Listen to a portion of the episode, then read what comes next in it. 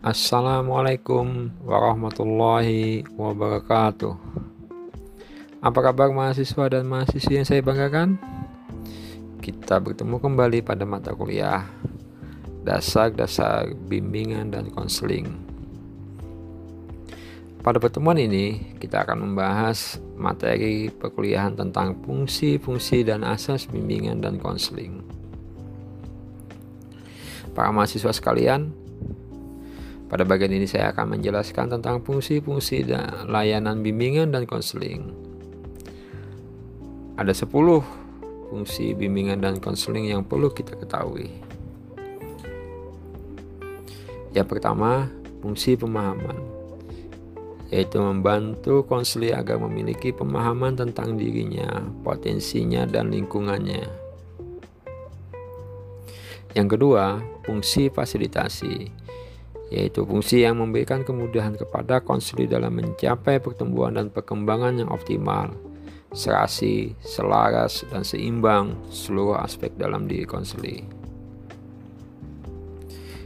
Yang ketiga, fungsi penyesuaian, yaitu membantu konseli agar dapat menyesuaikan diri dengan lingkungannya secara dinamis dan konstruktif. Yang keempat, fungsi penyaluran, yaitu membantu konseling memilih kegiatan ekstrakurikuler, jurusan atau program studi dan memantapkan penguasaan karir atau jabatan yang sesuai dengan minat, bakat, keahlian dan ciri-ciri kepribadian lainnya. Yang kelima, fungsi adaptasi yaitu membantu para pelaksana pendidikan, kepala sekolah atau madrasah, staf, para guru untuk menyesuaikan program pendidikan terhadap minat, kemampuan, dan kebutuhan konseli. Yang keenam, fungsi pencegahan atau preventif, yaitu fungsi yang berkaitan dengan upaya untuk senantiasa mengantisipasi berbagai masalah yang mungkin terjadi dan berupaya untuk mencegahnya supaya tidak dialami oleh konseli. Yang ketujuh, fungsi perbaikan, yaitu membantu konseli sehingga dapat memperbaiki kekeliruan dalam berpikir, berperasaan, dan bertindak atau berkehendak. Konselor melakukan intervensi atau memberikan perlakuan terhadap konseli supaya memiliki pola berpikir yang sehat, rasional, dan memiliki perasaan yang tepat sehingga dapat mengantarkan mereka kepada tindakan atau kehendak yang produktif dan normatif. Yang kedelapan, fungsi penyembuhan, yaitu fungsi bimbingan konseling yang bersifat kuratif. Yang kesembilan, fungsi pemeliharaan, yaitu membantu konseling supaya dapat menjaga diri dan mempertahankan situasi kondusif yang telah tercipta dalam dirinya. Yang kesepuluh, fungsi pengembangan, yaitu fungsi bimbingan konseling yang sifatnya lebih proaktif dari fungsi-fungsi lainnya, konselor senantiasa berusaha untuk menciptakan lingkungan belajar yang kondusif yang memfasilitasi perkembangan konseli. Para mahasiswa sekalian, itu tadi penjelasan tentang fungsi-fungsi dalam bimbingan dan konseling. Kemudian bimbingan dan konseling di samping memiliki fungsi-fungsi dalam layanannya juga memiliki asas-asas. Keterlaksanaan dan keberhasilan pelayanan bimbingan dan konseling juga sangat ditentukan oleh diwujudkannya asas bimbingan dan konseling. Ada 11 asas bimbingan konseling yang perlu kalian ketahui. Yaitu yang pertama, asas kerahasiaan. Asas bimbingan konseling yang menuntut dirahasiakannya segala segenap data dan keterangan tentang konseling yang menjadi sasaran pelayanan. Yang kedua, asas kesukarelaan. Asas BK yang menghendaki adanya kesukarelaan konseli untuk mengikuti layanan atau kegiatan yang diperlukan bagi dirinya. Yang ketiga, asas keterbukaan. Asas bimbingan konseling yang menghendaki agar konseli bersifat terbuka dan tidak berpura-pura, baik di dalam memberikan keterangan tentang dirinya maupun dalam menerima berbagai informasi dan materi dari luar yang berguna bagi pengembangan dirinya. Yang keempat, asas kegiatan. Asas bimbingan konseling yang menghendaki agar konseling yang menjadi sasaran pelayanan berpartisipasi secara aktif di dalam pelayanan-layanan atau kegiatan bimbingan dan konseling. Yang kelima, asas kemandirian.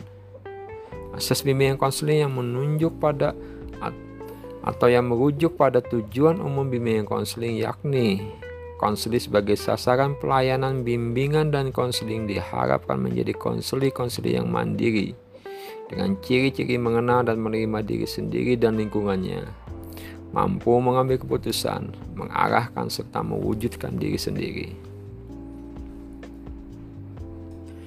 Yang keenam, asas kekinian.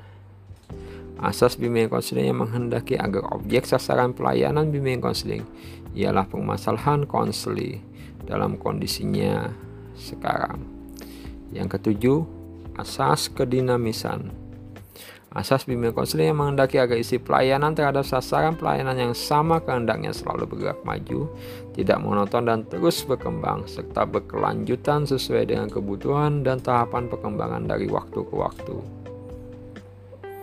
Yang kedelapan, Asas keterpaduan, asas bimbingan konseling yang menghendaki agar berbagai pelayanan dan kegiatan bimbingan dan konseling, baik yang dilakukan oleh guru pembimbing maupun pihak lain saling menunjang, harmonis, dan terpadu. Yang kesembilan, asas keharmonisan. Asas bimbingan konseling yang menghendaki agar segenap pelayanan dan kegiatan bimbingan konseling didasarkan pada dan tidak boleh bertentangan dengan nilai norma yang ada. Yang ke-10, asas keahlian. Asas bimbingan konseling yang menghendaki agar pelayanan dan kegiatan bimbingan konseling diselenggarakan atas dasar kaidah-kaidah profesional.